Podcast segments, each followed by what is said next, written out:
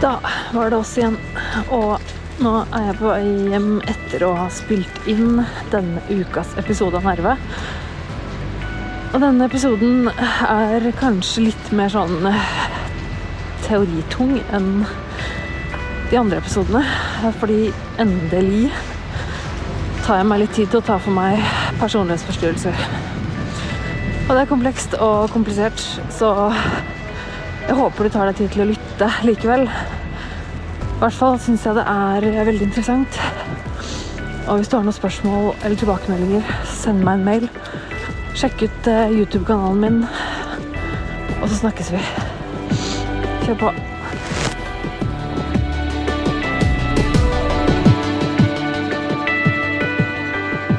Ja, og så er det sånn hver gang du, hver gang du sier at nå kjører vi, så blir jeg litt sånn Alt bare stopper opp i hodet mitt et lite sekund, og så blir jeg sånn Vent nå, hva var det jeg skulle si? Um, jo, men vi bare um, Jeg uh, tar meg sammen, jeg, ja, altså. Det her går fint.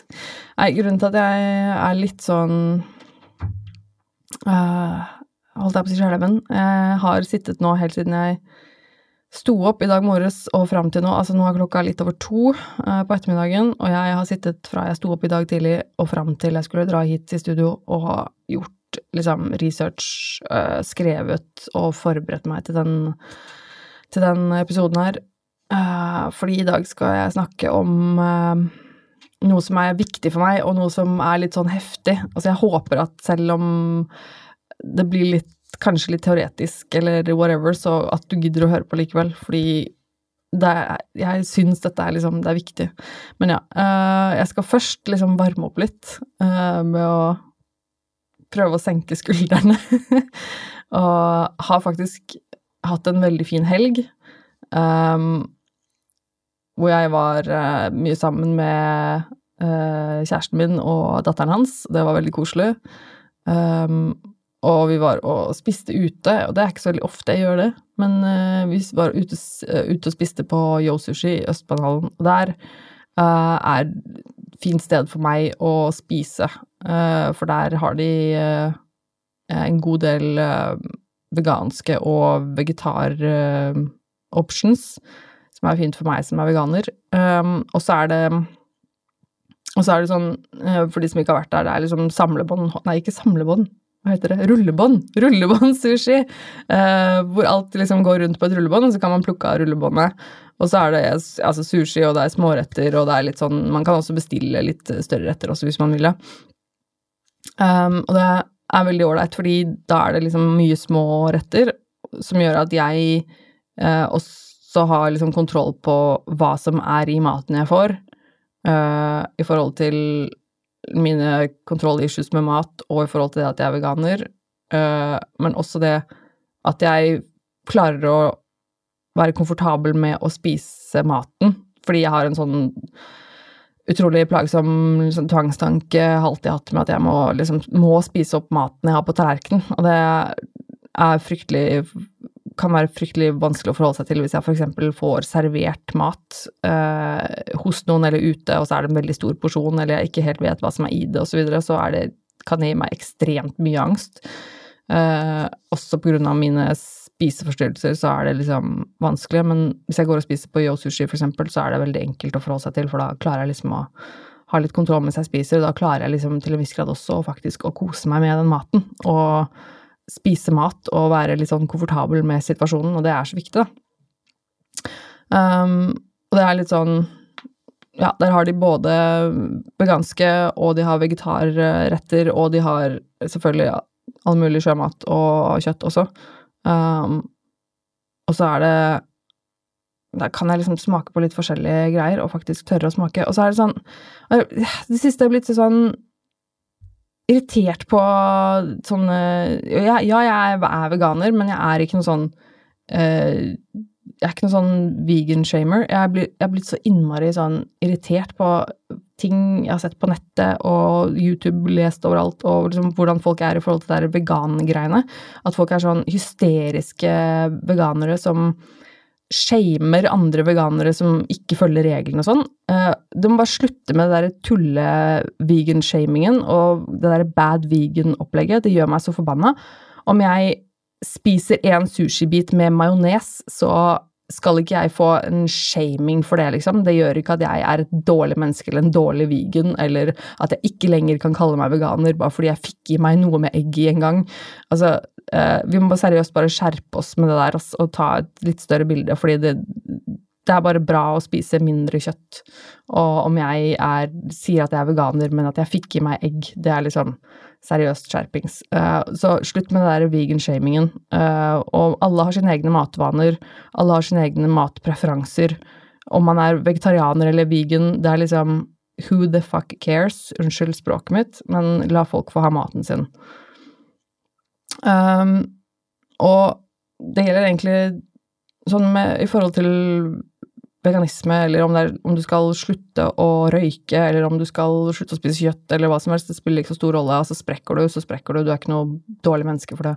Selv om du plutselig skulle komme til å spise kjøtt en dag, selv om du egentlig er vegetarianer, så ja vel, så var det kanskje kjipt om du sprakk, men det betyr ikke at du må gi opp for det. Eller har du slutta å røyke eller slutta å snuse, og du sprekker én dag, så ikke gi opp, liksom.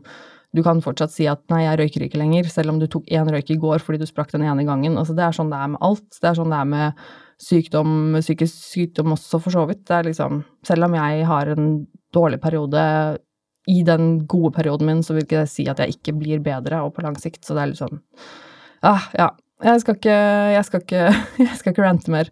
Um, jeg har en bedre dag i dag enn det jeg hadde uh, i går. Uh, noen av dere som følger meg på sosiale medier, eh, så sikkert at jeg posta en, eh, en, post i går på Instagram og Facebook om uh, hvordan jeg følte meg. I går var jeg uh, ganske dårlig.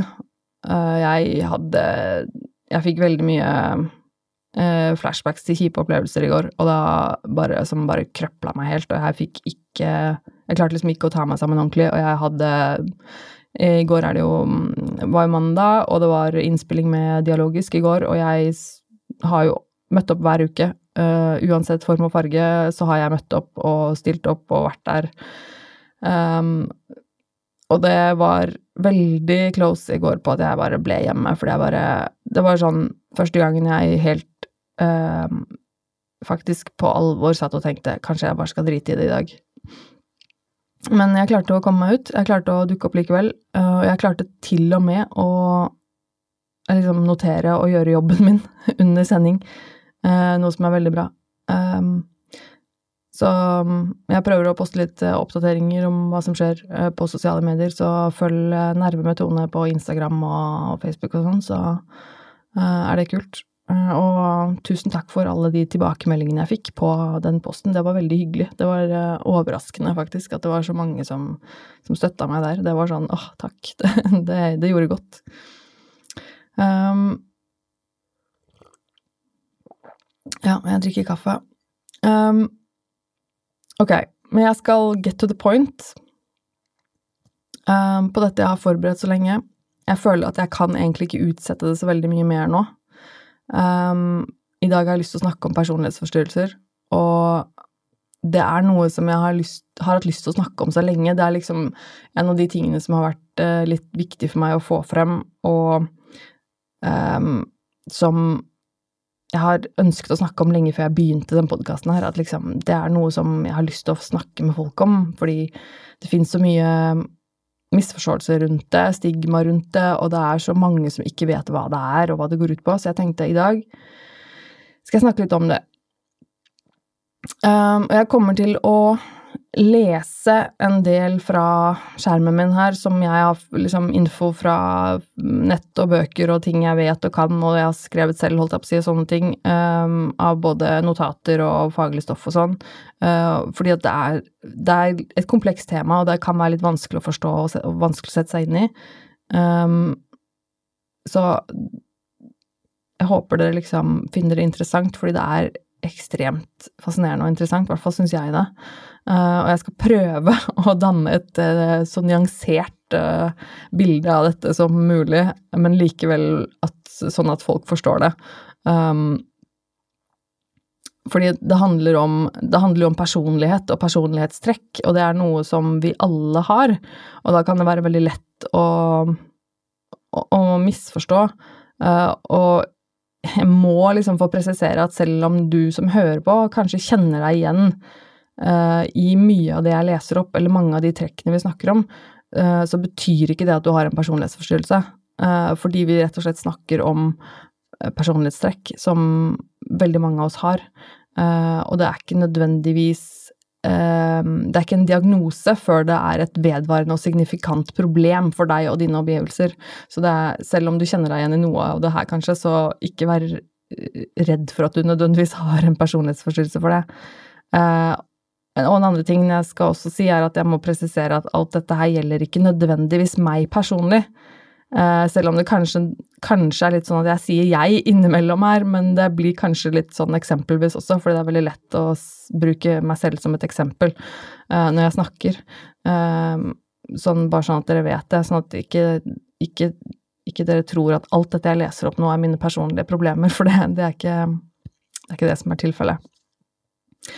Um, men altså, personlighetsforstyrrelse um, det er um, Jeg skal snakke litt om det litt, litt sånn generelt, og så skal jeg gå litt inn i um, uh, Det er jo sånn at eh, det har frem til nylig, altså frem til 2018, så har de i Eh, ICD, eh, altså den diagnosemanualen vi bruker i Europa, den som heter International Classification of Diseases and Related Health Problems, um, har, har, klassifisert forskjellige undertyper av personlighetsforstyrrelse frem til 2018, frem til den versjonen som heter ICD-11, som kom i fjor. Um, de har nå liksom gått litt bort ifra dette med forskjellige typer. Jeg skal komme litt tilbake til det, men jeg kommer til å snakke litt om de også, bare sånn at folk har en referanse til hvordan det har vært fram til nå nylig. Um, men altså, personlighetsforstyrrelse er karakterisert av problemer i fungering av aspekter i selvet, som identitet, egenverd, ukorrekt selvbilde, retning i livet, og eller av mellommenneskelig dysfunksjon, som evne til å utvikle og opprettholde gjensidig tilfredsstillende relasjoner, evne til å forstå andres perspektiver og håndtere konflikter i relasjoner, som da har vedvart over lengre perioder, eksempelvis to år eller mer. Uh, personlighetsforstyrrelser defineres uh, av American Psych uh, Psychiatric Association som et varig mønster av indre erfaring og oppførsel som på utpreget, en utpreget måte avviker fra forventningen til vedkommendes kultur. Eh, disse mønstrene er ubøyelige og gjennomtrengende i mange situasjoner. Eh, I begynnelsen av, begynnelsen av disse mønstrene kan vanligvis bli sporet tilbake til sent ungdomstid og begynnelsen av voksen alder, i noen tilfeller også barndommen. Um, så det er altså at det går på problemer i hvordan aspekter av selvet ditt fungerer, rett og slett. Høres Altså, det er komplisert, ja, uh, men så enkelt som det. Altså måten um, Måten du fungerer i aspekter som din identitet, eh, egenverd eller eh, retning i livet, og hvordan mellommenneskelige dysfunksjoner eh, Hvordan du har men, mellommenneskelige dysfunksjoner da, i, mellom eh, nære og fjerne, holdt jeg på å si, og hvordan du har kanskje problemer med å eh, ha tilfredsstillende relasjoner i livet ditt, og det å forstå eh, andres og egne perspektiver. Um, og personlighetsforstyrrelsen er kjennetegnet ved at personen det gjelder, ut fra kulturelle normer, skiller seg fra hva som er forventet på følgende områder. Um, eh, kognisjon, måten personen oppfatter og tolker seg selv, andre mennesker og begivenheter på. Eh, det kan da være hvordan andre oppfatter en selv, eh, eller det man sier og gjør. At man blir eh, mistolket og mistolker andres intensjoner. Eh, kanskje mistolker, eh, tror at andre vil en vondt, eller tenker om en selv at man er et grusomt menneske når andre stort sett bare ser på deg som et godt menneske. Um, sånne ting som det. Rett og slett um, Altså avvik, da, holdt jeg på å si, um, i kognisjonen, måten du tenker på. affektivitet, om personens følelser er passende til situasjonen. Um, ja, altså om følelsene Følelser. Uh, kanskje man blir uh, trist eller sint i uh, i stedet for å klare å være glad på andres vegne, eksempel, så blir man trist eller sint og tenker vondt om seg selv, at dette er kanskje noe jeg også burde klare, eller hvorfor klarer andre dette, eller kanskje man blir sur eller sint, stressa i, i situasjoner hvor andre mennesker blir glade eller har det hyggelig. Um, man får um, Kanskje man bare får veldig mye sterkere følelse for ting enn det som man ser på som er normalt i en sånn situasjon. Uh, hvordan personen kontrollerer sine impulser og får dekket sine behov. Uh, det kan bety at man uh, f.eks. sliter med impulskontroll og føler at man har behov som kanskje er utenom det vanlige. impulser og behov for å skade seg selv eller andre, eksempel. Eh, at man bruk, må bruke penger, eller man har seksuelle behov. Eh, føler at eh, eneste måten man får det bedre på, eller har lyst til å gjøre noe utenom det vanlige, og kanskje ikke klarer å stoppe eh, og regulere de impulsene og følelsene, eh, som er ting som i utgangspunktet da kan være eh, skadelige, eller som er sett på som det vanskelig eller unormalt i forhold til hva som gjelder i, den, i vår kultur, da. Uh, og hvordan personen forholder seg til mennesker som står ham henne nært, og takler å være sammen med andre mennesker. Um, altså synes at relasjoner kan være veldig vanskelig. Ikke vite hvor mye man skal ta og gi, kanskje. At man kan bli ekstremt hengiven og lojal, eller veldig kald. Eh, om hverandre, liksom. Um, slite seg ut med å passe inn eller passe til egne eller andres forventninger, kanskje. Um, slite med å tolke seg selv og andre i relasjoner. Kan gjøre det vanskelig. Um, kanskje man ikke ønsker andre mennesker godt, eller ikke ønsker seg selv godt, som også kan være vanskelig for andre mennesker rundt seg. Um,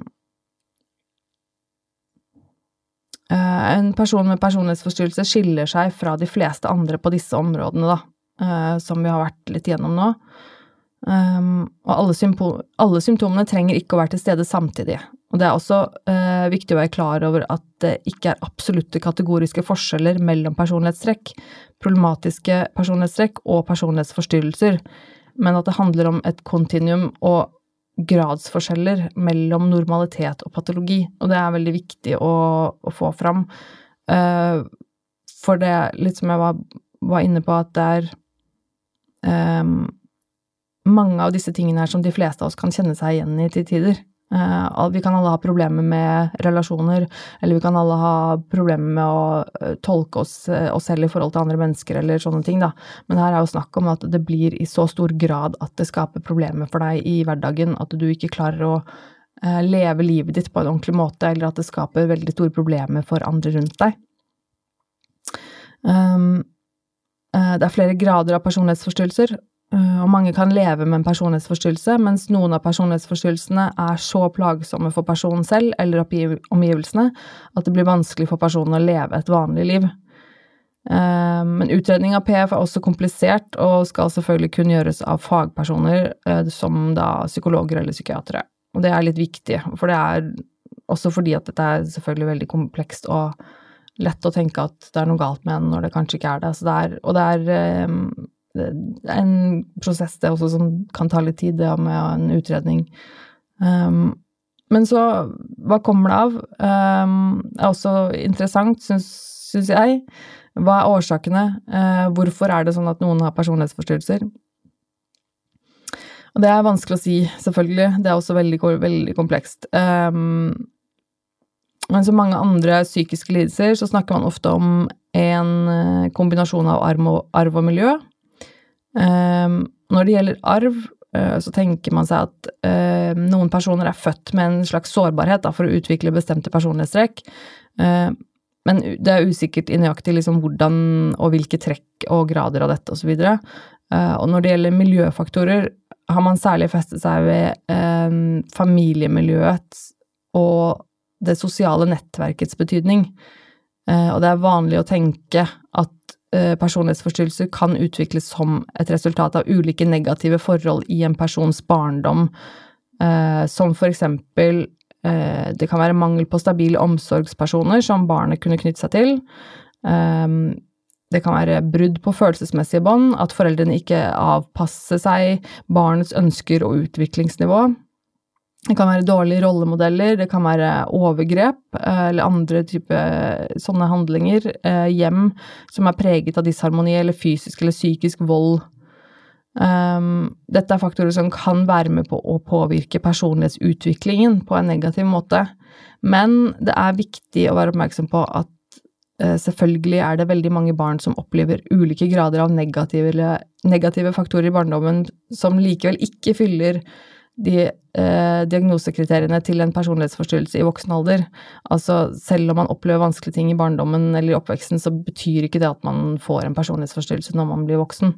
Uh, og omvendt, uh, selv en person som er voksen og har fått diagnosen personlighetsforstyrrelse, så er ikke det nødvendigvis et bevis på at å, det betyr at du må ha opplevd et overgrep, eller å, det betyr at du har måttet uh, opplevd fysisk vold i hjemmet, eller noe sånt. Det er komplekst, men dette er jo da kanskje de, hva skal jeg si, mest uh, typiske, da. Eller i hvert fall det som er ofte Som forekommer ofte. Um, å, herregud, jeg merker jeg snakker mye nå. Jeg blir sånn derre Jeg må huske å puste litt. Um, ja, uh, det er mye info. Um, så har jeg lyst til å snakke litt om, som jeg nevnte, liksom person... Altså, forskjellige, uh, forskjellige, typer. Um, jeg har jo ja, jeg, har, jeg, har, lest så mye om dette her før, og jeg føler liksom at nå skal jeg nå skal jeg presse inn alt det jeg har lest og lært de to siste årene inn på liksom en liten halvtime i en podkast. Det er helt umulig. Men um, Og jeg har, jeg har, lest også mye faglitteratur og liksom uh, mye sånn her og der, og lest og lyttet, holdt jeg på å si. Um, mye. Så uh, Og så er det noe med at nå da i fjor, når de skriv, skrev om litt på dette her i ICD-11 så har de da gått litt bort fra disse typene, men det har tidligere vært um, litt sånn kategorier innenfor personlighetsforstyrrelser, da. Jeg tenkte jeg skulle snakke litt om det, uh, for det også kan være litt interessant å bare Da får man liksom kanskje litt frem litt flere av uh, Nå har jeg snakket litt generelt, og da kan det uh, Ved å snakke om disse typene, så kan det liksom komme fram litt hva slags Litt mer sånn hva slags type trekk man snakker om at kan være problemer for mange, da. Um, um, og jeg, jeg, tror det er lurt å fokusere på uh, Altså, jeg, det at jeg har gått bort ifra Litt gått bort fra de forskjellige typene i ICD-11, uh, eh, det tror jeg er Jeg tror det kan være lurt uh, Jeg tror det er lurt å fokusere litt mer på enkeltpersonens problematiske trekk heller enn å plassere det inn i en type. Uh, mange av disse forskjellige typene sklir litt inn i hverandre, og det er ofte at um, en passer inn i mer enn én type. Og det er heller kanskje ikke hensiktsmessig å henge seg så veldig opp i de typene.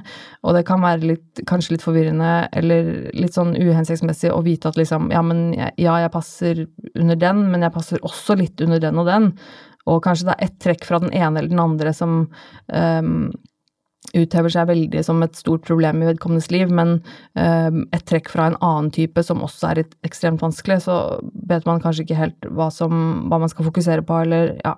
Jeg, jeg tenker nok at det, det, kan nok også være lurt å, å fokusere heller, heller, mer på en, problematikken som en helhet, og heller gå inn i individets problemer i forhold til hvilke trekk som er de mest problematiske. Um, men ja, jeg tenkte jeg skal, jeg skal liste opp de typene litt sånn kjapt med, uh, med noen stikkord. Uh, og det, er, det, blir veldig liksom kort, så husk at det er litt mer komplekst enn det jeg sier nå, da. Men da har du én type som heter uh, paranoid PF. Når jeg sier PF, så står det, på, står det, for personlighetsforstyrrelse. Jeg sier PF, det er litt enklere. paranoid PF oppfatter verden som uvennlig, farlig, forventer å bli utnyttet på vakt, lett fornærmet og krenket, lett i motangrep, og overtolker og konstruerer ofte negative tolkninger av verden og mennesker rundt seg. Um, uh, rett og slett uh, litt det vi, som veldig mange av oss vil oppfatte som paranoid. Um, schizoid PF. Svært innadvendt, eh, lite interesse i andre, eh, vedvarende isolering. Eh, utviser lite følelser i, relasjoner, men innehar ofte et veldig rikt tankeliv og følelsesliv. Men kan virke fjern og kald og sky og uinteressert for mennesker rundt seg. Histrionisk PF. Dramatiserende, teatralsk, overdreven emosjonalitet. Selvopptatt og oppmerksomhetssøkende. Kan være lett eh, påvirkbar og gjør ofte et godt førsteinntrykk, men har problemer med å opprettholde vedvarende gode relasjoner. Ofte eksepsjonistisk atferd og kan virke veldig sånn litt eh, påtrengende på mange og, og sånn. Um, emosjonelt ustabil PF, eller borderline PF, som det også er kalt, kjennetegnes av et varig mønster med ustabilitet i mellommenneskelige relasjoner, selvbilde, emosjoner og tydelig impulsivitet. Eh, preges ofte også av selvmordsforsøk eller demonstrasjoner i retning av selvmord og selvskading, ofte vanskelig for å mestre sinne, og mange med denne diagnosen har opplevd traumatiske hendelser i barndom og fyller eh, ofte også kriteriene for posttraumatisk stresslidelse. Eh, dyssosial PF, eller antisosial PF, eh, kjennetegnes av eh, varig manglende eller nedsatt samvittighet, eh, skyldfølelse og anger, manglende ansvarlighet, impulsivitet og aggresjonsproblematikk, og at samfunnets regler, normer og lover ikke følges. Svært mange har hatt betydelige atferdsvansker i barndom og oppvekst. Og dette er jo den typen PF som vi, veldig mange av oss assosierer med det vi hører om liksom seriemordere og eh, seriekriminelle liksom på TV og serier og sånne ting. Um, unnvikende engstelig PF preges av vedvarende lav selvfølelse, usikkerhet og sosial nærtagenhet. Eh, Et mønster med sosial tilbakeholdenhet, følelse av å ikke strekke til, eh, overfølsomhet for negative vurderinger, eh, frykt for kritikk, avvisning og tape ansiktet eller dumme seg ut fører til unnvikelse av mange situasjoner. Og avhengig PF varig og overdrevent behov for å bli tatt vare på av andre, som fører til frykt for å bli forlatt og noe klengende atferd, karakteriseres av usikkerhet, uselvstendighet og håpløshet, egne behov underlegges andres og avgjørelser overlates til andre. Eh, behovet for å bli elsket og redselen for å bli sviktet og forlatt er stor, og eh, så stor at man gjør alt for å tekkes andre. Og så ser jeg her nå at jeg har eh, faktisk glemt å legge inn den teksten for den siste her jeg skrev. Uh, uh, uh. Og det er den som heter tvangspreget personlighetsforstyrrelse. Og det preges ofte av en overdreven ordenssans, fokus på detaljer på bekostning av helhet, og perfeksjonisme og overdreven samvittighetsfullhet. Um, den som har tvangspreget PF, egenrådig og eh, en slik ordenssans at det ofte blir pedanteri, opptatt av regler, prinsipper og detaljer eh, i så stor grad at de store linjene forsvinner. Eh, tvangspreget personlighet, eh, pliktmenneske som vanskelig kan slappe av og nyte tilværelsen. Vedkommende er kanskje arbeidsnarkoman og jobber ofte ut fra et indre tvang, gjerne med rutinearbeid, eh, kan oppfattes som rigid, sta og vanskelig å samarbeide med.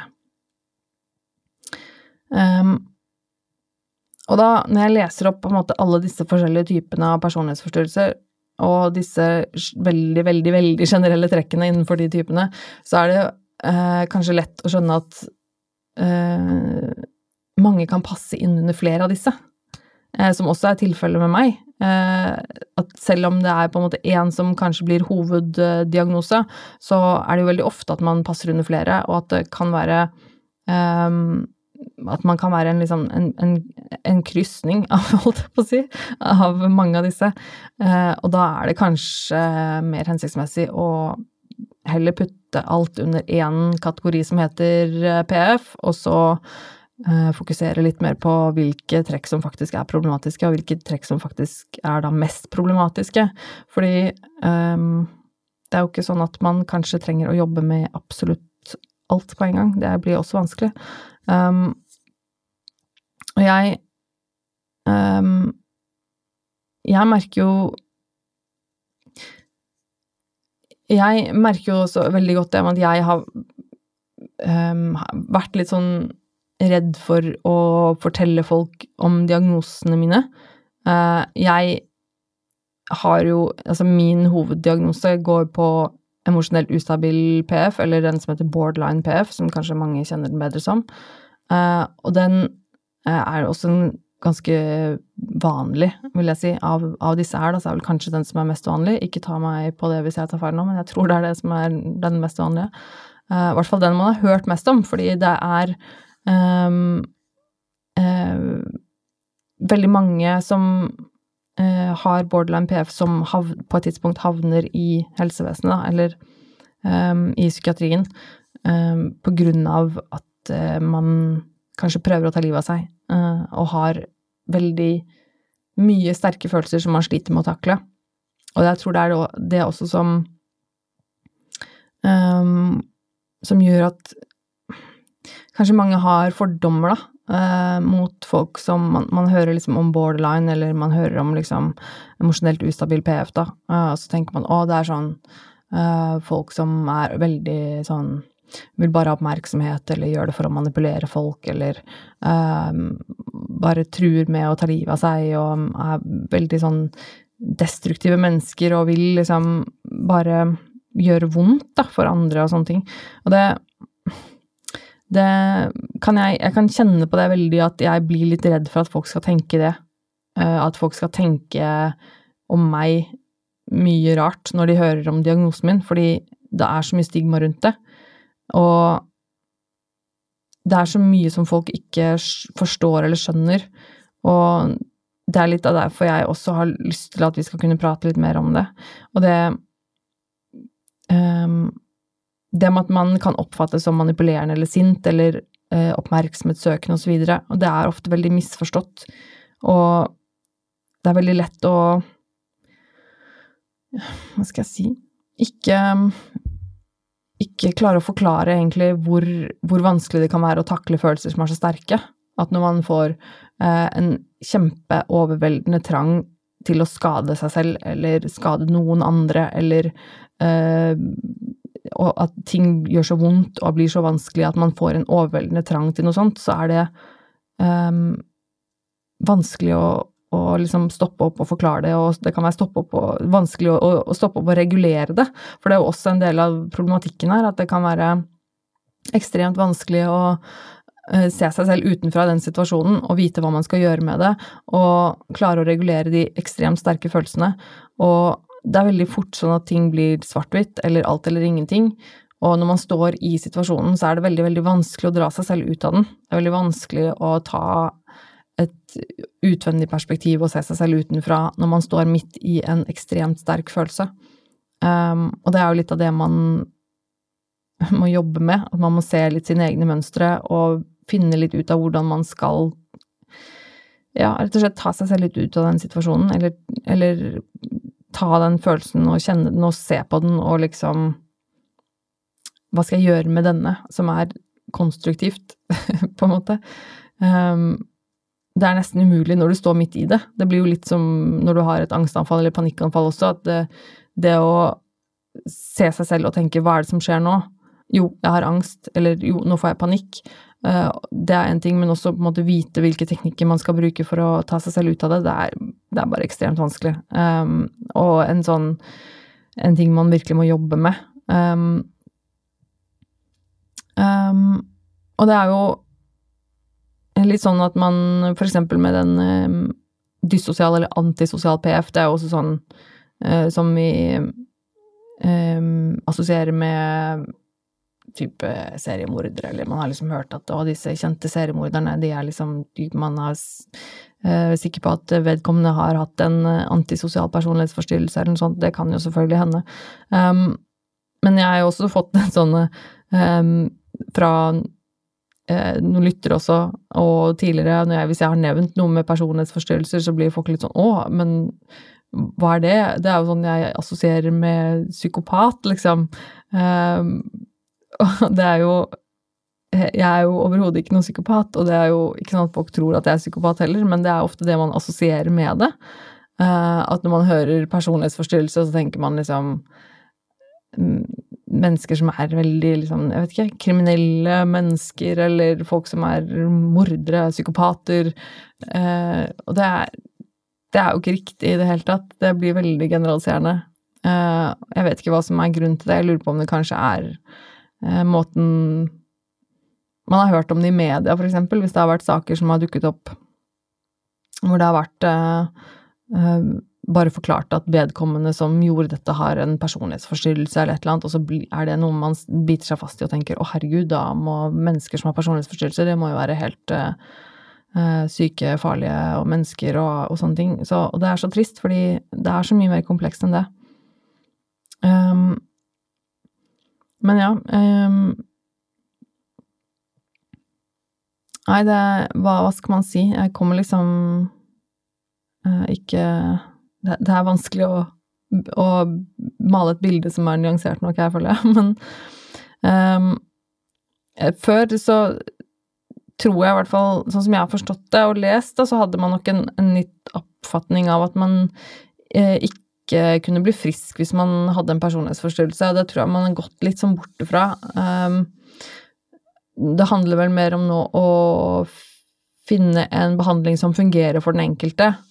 Um, og personlighetsforstyrrelse kan i høyeste grad eh, behandles, uh, men det er jo Det går jo på uh, personlighet og personlighetstrekk og noe som da som diagnosen tilser, har vedvart over lang tid, og som har kunnet i mange tilfeller utvikle seg over mange, mange år, og mønstre som er veldig hva skal jeg si, hardwired inn i hjernen, liksom. I måten du tenker på, måten du oppfører deg, i måten du oppfatter deg selv og verden, som lager problemer for deg. Og det er jo ikke bare bare å gi slipp på det. Det er ikke noe man enkelt kan bare tenke seg ut av eller uh, bli frisk av. Uh, og det er på en måte Og det er også Begrepet frisk syns jeg også er litt vanskelig og litt, på en måte litt feil å bruke, fordi hva er frisk og hva er syk? Det er litt sånn um, det, det, det, det, finnes liksom ikke noen god definisjon på hva det er å være frisk heller, men man kan definitivt bli bedre,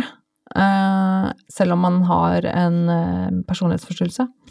Um, og det handler nok uh, mye om å finne en behandling Om å få behandling, selvfølgelig, i utgangspunktet. Å få behandling for det. og også finne en behandling som fungerer for den enkelte. Det kan være eh, samtaleterapi som kognitiv atferdsterapi eller psykodynamisk terapi, eller eksponeringsterapi og gruppeterapi. Um, ofte går det på de tinga der. Um, eh, noen personlighetsforstyrrelser blir mindre fremtredende etter hvert som personen blir eldre, og mange tilpasser livet sitt slik at de kan leve relativt vanlig med en personlighetsforstyrrelse hele livet. Eh, andre kan lære hvordan de kan håndtere situasjoner som har vist seg problematiske. Eh, noen kan også fungere bedre dersom de gjennom behandling får innsikt i egen personlighetsstruktur. Um, ja, siden man tenker at personlighetstrekk er noe alle har i forskjellige grader, er det vanlig å ha målsetninger om å dempe eller redusere problematiske personlighetstrekk heller enn å fjerne dem.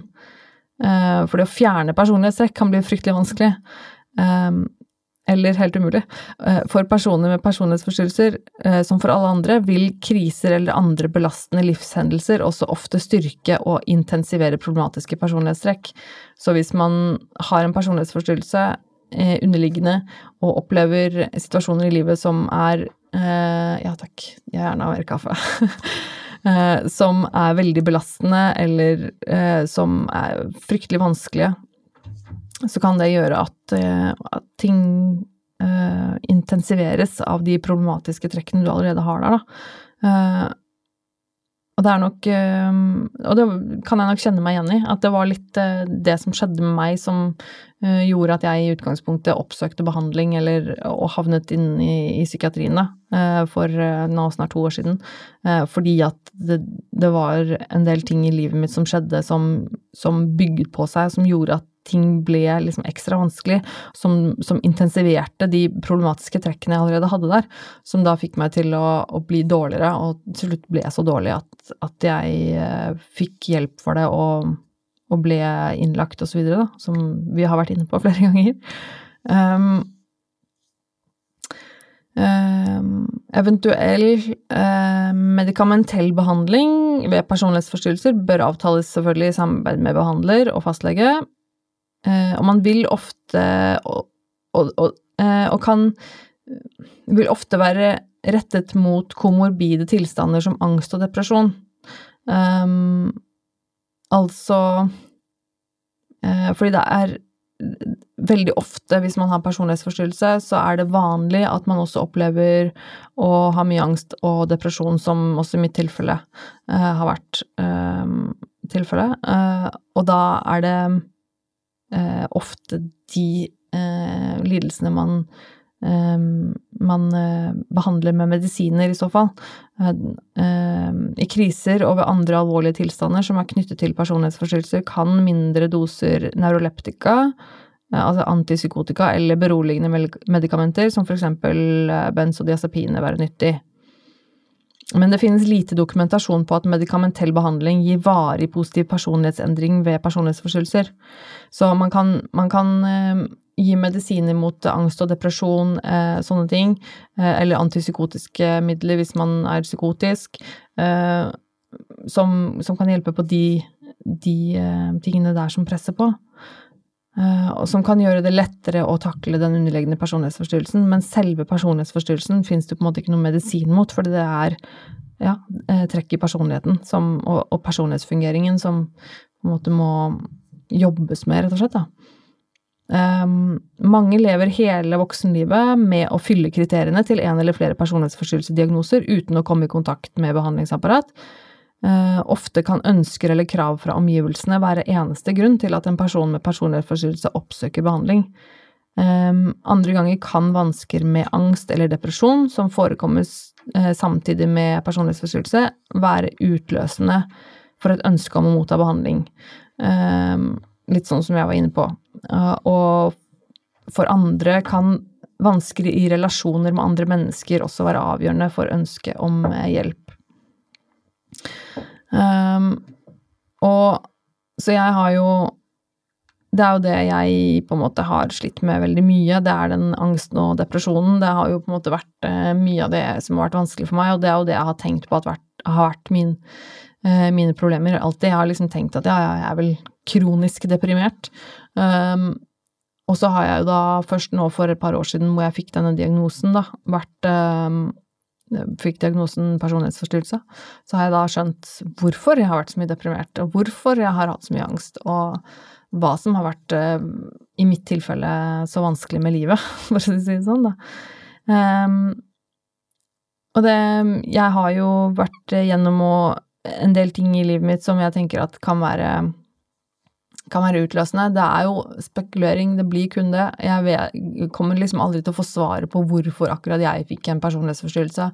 Um, jeg kan tenke meg grunner til det. Jeg kan tenke at det har med uh, vonde opplevelser jeg har hatt i barndommen uh, å gjøre, eller um, ja, hva, det skal være. Så selvfølgelig, det kan godt hende det. Um, mest sannsynlig så har det nok spilt en rolle, tenker jeg i hvordan jeg har utviklet min personlighet. Um, men det, det, det, det, blir jo spekulasjon. Um, men det er da min uh, hoveddiagnose er den borderline PF, og så har jeg, vet jeg veldig godt at jeg også uh, sliter veldig med en tvangsprega PF. Uh, det er helt jeg kjenner det så godt igjen når jeg leser om eh, mange av de tingene som står nedover i, i alle disse Altså, i mange av disse typene så er det jo ting jeg kan kjenne meg igjen i, sånn som helt sikkert du også som hører på. Vi sliter jo aldri med, med våre greier innimellom. Men eh, jeg må nesten le litt når jeg, når jeg leser om f.eks. for eksempel med tvangsprega PF og dette med eh, perfeksjonisme og eh, overdreven eh, samvittighetsfullhet. Eh, tvangspreget eh, PF går veldig mye på dette med mine regler, prinsipper og detaljer i så stor grad at du på en måte nesten mister den helhetlige vitsen med det du driver med. Det, jeg har jo så ekstremt mye regler for alt mulig, og det er så utrolig merkelig, fascinerende, sært hvordan jeg har liksom fått for meg ting. Eh, regler eh, som på en måte bare er tilfellet, som bare er sånn. Eh, som i min verden, da, som bare Sånn er det bare. Og så er det egentlig bare noe jeg har fått for meg av en eller annen grunn, da, som ikke nødvendigvis alle andre skjønner seg på, eller som ikke er tilfellet for alle andre. Det kan være enkelte veldig sånn banale ting som hvilken rekkefølge jeg tar på meg klærne, eksempel, som er veldig viktig. Jeg har eh, regler på alt mulig rart i, i livet mitt som ikke nødvendigvis lager problemer for meg. Det at jeg må ta på meg klærne mine i en viss rekkefølge er ikke nødvendigvis et stort problem. Um, og det er ikke nødvendigvis noe jeg trenger å liksom uh, behandle, holdt jeg på å si. Uh, det er jo snakk om uh, det, er, det, er, jo ikke et problem før det er et problem. Eh, men jeg har jo det som, det som også kan være vanskelig med det, er at jeg da kanskje har for meg noen regler i hodet mitt over hvordan man skal eh, være eller ikke være, eller ting man skal gjøre eller si eller ikke si, og øh, og for kanskje underbevisst forvente at dette også gjelder andre mennesker. Og da blir det fort litt komplisert og litt vanskelig. For hvis jeg da har fått for meg en eller annen regel i hodet mitt om en måte man skal være eller ikke være på, eh, som for meg i hodet mitt er helt selvsagt, eh, og så skal jeg i tillegg forvente at andre mennesker også skal vite og følge de reglene, så, så, kan det fort bli eh, problematisk, eh, selvfølgelig. Eh, og da er jeg selvfølgelig kjempedårlig på liksom å ha Eh, ha et eksempel på det um, på sånn fot. Det er selvfølgelig vanskelig uh, når jeg sitter her og skal fortelle om det. Jo, men det, altså for eksempel da dette jeg var inne på innledningsvis med det å spise mat, for eksempel. Den, av en eller annen merkelig grunn så har jeg en sånn en sånn regel i meg som, som, ligger i meg, om at jeg må spise opp alt det som er på tallerkenen. Dette er altså en veldig sånn banal, tullete eksempelvis regel. Um, men det er ingen som har fortalt meg Det er ikke sånn at jeg ble liksom øh, hva heter det uh, At mine foreldre var liksom kjempeharde på det når jeg var liten, og liksom Du må spise opp maten som er på tallerkenen, eller noe sånt. Det er ikke noen sånn åpenbar grunn til at jeg har det for meg, men det har jeg for meg. At sånn er det. Jeg må spise opp den maten som er på tallerkenen min. Um, og det kan bli et stort problem for meg i tilfeller da hvor jeg f.eks. får servert mat og føler at det er altfor mye mat, eller at jeg ikke har kontroll på hva som er i den maten, fordi jeg har et kjempekontrollbehov. Uh, og kontroll på, må ha kontroll på situasjoner og kontroll på uh, alt mulig rart hele tiden, så kan jo det bli kjempevanskelig. Men, men vedkommende som serverer meg den maten, er ikke nødvendigvis klar over at det er en regel for meg. Uh, eller at vedkommende liksom at det er en selvfølge for alle andre. Det er jo på en måte ikke sånn det er i resten av verden, holdt jeg på å si. Så da blir det plutselig et problem for meg, og da Og det kan gi meg fryktelig, fryktelig mye angst, og jeg har tidligere hatt liksom Fått panikk, liksom, når jeg har fått servert et, en tallerken med mat som noen har laget til meg, og jeg ser liksom Det er altfor mye mat, og det er også mat som jeg ikke vet jeg har ikke kontroll på ak akkurat hva som er i den maten. Og, det, og, så sitter jeg da samtidig og føler at men denne maten som er på den tallerkenen, den må jeg spise opp. Jeg må spise opp alt. Og da blir det kjempekrasj i hjernen min, og så får jeg kjempepanikk og angst. Og det er liksom et eksempel da på hvordan det her kan bli vanskelig. Uh, men det er uh, Det er fascinerende. Uh, jeg syns jo kjempe Jeg syns jo sånne ting som det her er, er veldig fascinerende. Um, jeg syns jo generelt at psykologi uh, er veldig fascinerende. Jeg er kjempefascinert av psykopati og liksom de verste casene av uh, seriemordere og psykopater. Jeg, jeg, elsker jo det. Jeg syns det er dritspennende. Jeg kan jo Jeg vet ikke hvor mange dokumentarer jeg har sett om diverse liksom, seriemordere eller eh, psykopater opp gjennom tidene og lest og jeg syns det er dødsspennende. Eh, Jeg blir alltid liksom fascinert av det som foregår inni hodet til mennesker som er litt annerledes, da. Og hvordan de tenker, og hva som gjør at de er sånn, og hvordan de tenker. Og, men jeg har en sånn veldig sånn um, Jeg, for meg, har en liksom overbevisning om at det ikke fins mennesker som er onde, men jeg tror at mennesker kan gjøre onde handlinger. Uh, og jeg lurer alltid på liksom hvorfor og hvordan, da. Og hvordan de handlingene som uh, vi mest, de fleste av oss kanskje ser på som onde, men hvordan de blir oppfattet av personen selv, og ja, litt sånne ting, da. Og jeg, jeg, får alltid en sånn jeg, jeg, er en av de personene som kan sitte og se på uh, liksom timevis med dokumentarer om liksom holdt jeg på å si, onde mennesker i gåsehudene, som seriemordere og folk som har vært grusomme og gjort forferdelige ting, og så kan jeg ha en slags en slags empati, en slags medfølelse, og tenke liksom Uh, og i hvert fall ikke, i, i, minste fall en nysgjerrighet, og tenke liksom sånn Ja, men shit, hva er, det som har, hva er det som har gjort at du er sånn?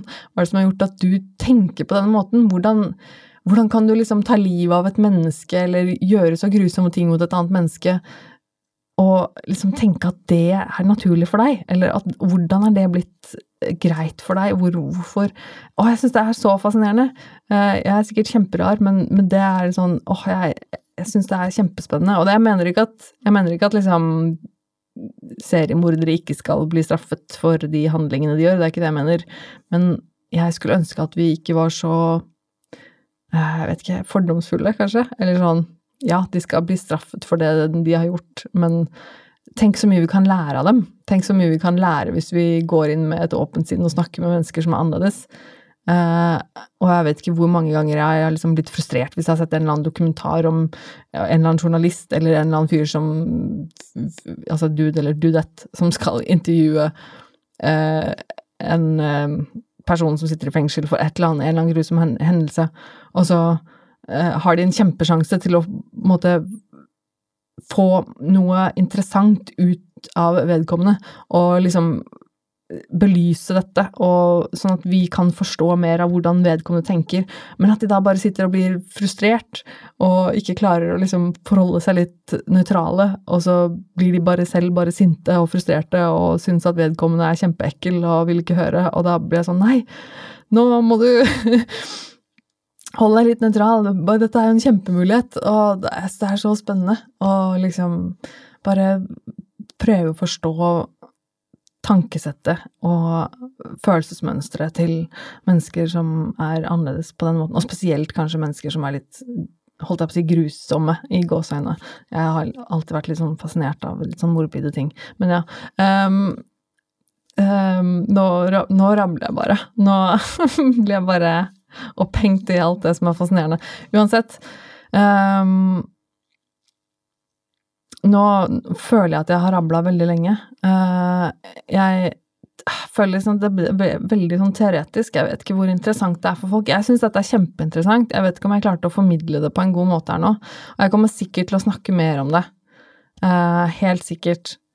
Men jeg tenker at dette er kanskje et greit, uh, et greit grunnlag å gå videre på at eh, du som sitter og hører på, som ikke visste noen ting om dette, kanskje i hvert fall har fått et viss peiling på hva det dreier seg om.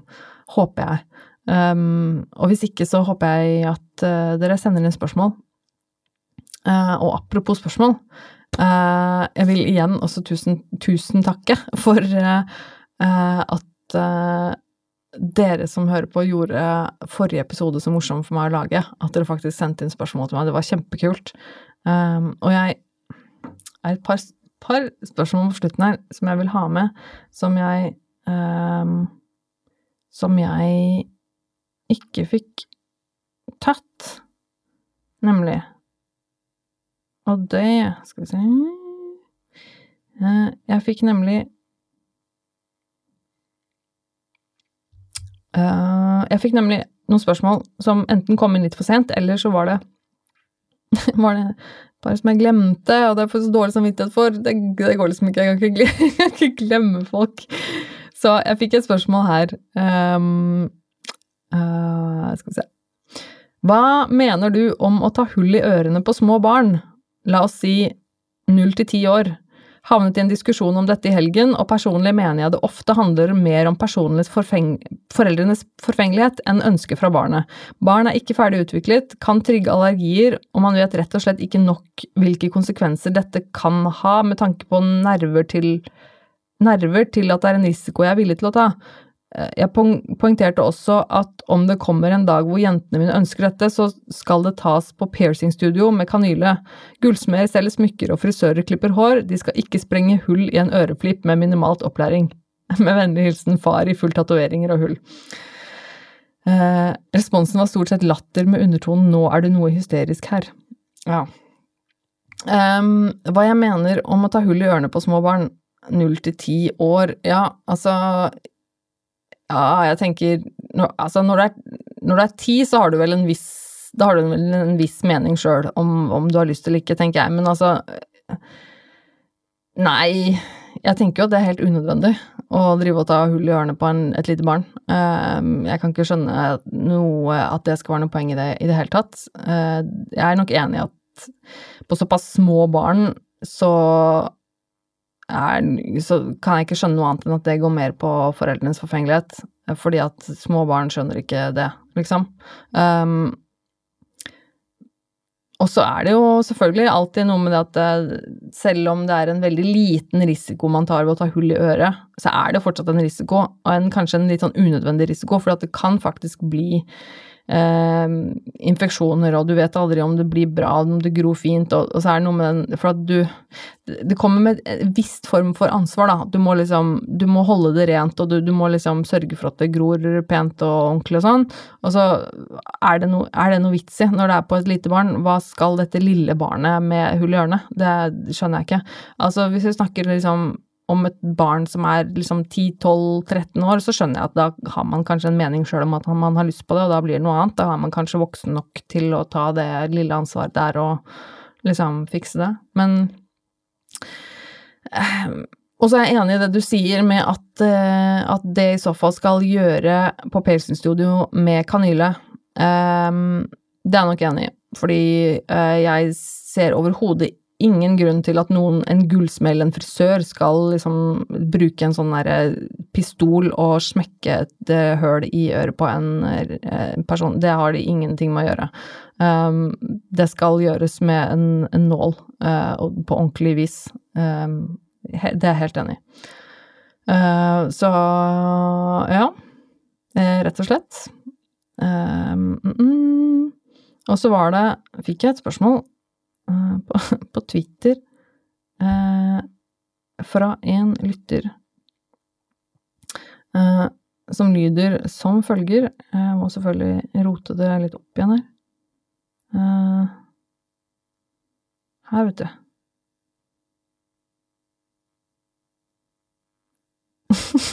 Nei, jeg er så nerd på det her. Jeg finner ikke igjen. Åh. Hvorfor er jeg så dårlig på det her, Martin? Åh. Um, jo, han spurte om uh, tynn eller tykk porselen til kaffen. Og da ble jeg litt sånn uh, Det første jeg tenkte, var sånn Gjør folk, gjør folk forskjell på det? Eller er, er, det, er, det, forskjell? Og så ble jeg sånn Å ja, ja, det er sant. Det fins jo sånne tynne sånne bestemorkaffe... Å, det var kanskje stygt sagt, det. Bestemorkaffekopper. Men uh, svaret mitt er gull. Fordi jeg, jeg, har, jo, jeg har, jo, gullkoppen min. Det er, det er, den porselenen jeg helst bruker til kaffen min. Det er gullkoppen. Um, men jeg, no, jeg, kan ikke si jeg har noe veldig preferanse på det. Det eneste jeg tenker ofte på, som, blir, som trigger litt den derre der kløetvang-greia i hodet mitt, det er litt sånn hvis jeg er på kafé eller hvor som helst og drikker kaffe av kaffekopper som har en veldig stor åpning, altså sånn som er veldig sånn, hva skal jeg si, brede, bolleformede, så irriterer det meg veldig at kaffen blir så fort kald. For jeg liker jo kaffe best når den er varm, um, som de fleste av oss. Jeg mener nå riktignok at hvis du, har, hvis du har god kaffe, kvalitetskaffe, så smaker den godt selv om den er kald. Uh, men jeg liker den best når den er varm. Og det irriterer meg veldig når jeg får sånn liten, sånn bolleaktig kopp som da med kaffe, og så blir den kald på fem minutter. Så det skal helst være en romslig kopp, det skal være plass til mye i den, og så utover det, så ja. Sånn. det er egentlig bare det. Um, og så var det en som spurte om, siste spørsmål her, om om jeg tar illustrasjonsoppdrag på bestilling. Um, og det, det, vet jeg ikke. Jeg aner ikke. Uh, gjør jeg det? Kanskje jeg gjør det. Um, altså det er ikke noe i veien for at jeg kan gjøre det, men det selvfølgelig kommer an på hva det er, og hvor, hvor kort frist jeg får, og osv., osv. Um, men jeg har jo gjort det før. Diverse Jeg har designet liksom både merch og logoer. Jeg har designet og tegnet og gjort mye rart, og jeg syns jo det er gøy. Uh, og jeg gjør jo fortsatt det. Uh, så ja, jeg tenker har du en forespørsel, hvorfor ikke bare sende det til meg, da, så skal jeg vurdere det, liksom. Uh, så jeg har ikke noe Svaret er vel ja. Det er ikke at jeg gjør det mye, men ja. Um, ja. I grunnen. Nei, nå, nå må jeg faktisk nå, nå, må vi liksom runde av det her, føler jeg, fordi nå blir det så mye tullete. Uh, men jeg vil gjerne at folk fortsetter å sende meg uh, tilbakemeldinger. Det syns jeg er veldig, veldig kult. Og så håper jeg jo at det er noen som ser på dette her også på YouTube, uh, og som fortsetter å følge YouTube-kanalen min, Nerve med Tone. Eh, det er veldig kult. Jeg legger ut alt mulig rart på YouTube.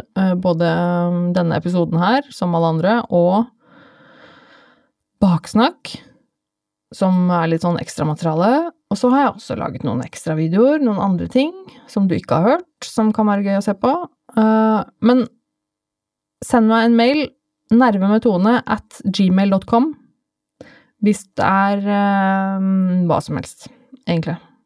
Uh, tilbakemelding, ris, ros uh, uh, Hva som helst, egentlig.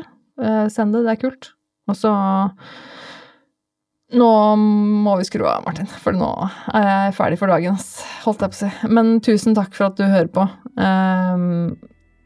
at du har hørt så langt som dette, det er veldig, veldig bra. Kudos. Tusen takk. Vi snakkes igjen om en uke. Herregud. Ha det bra. Og husk å gi fem stjerner og skrive en anmeldelse på iTunes. Hilsen produsent Martin.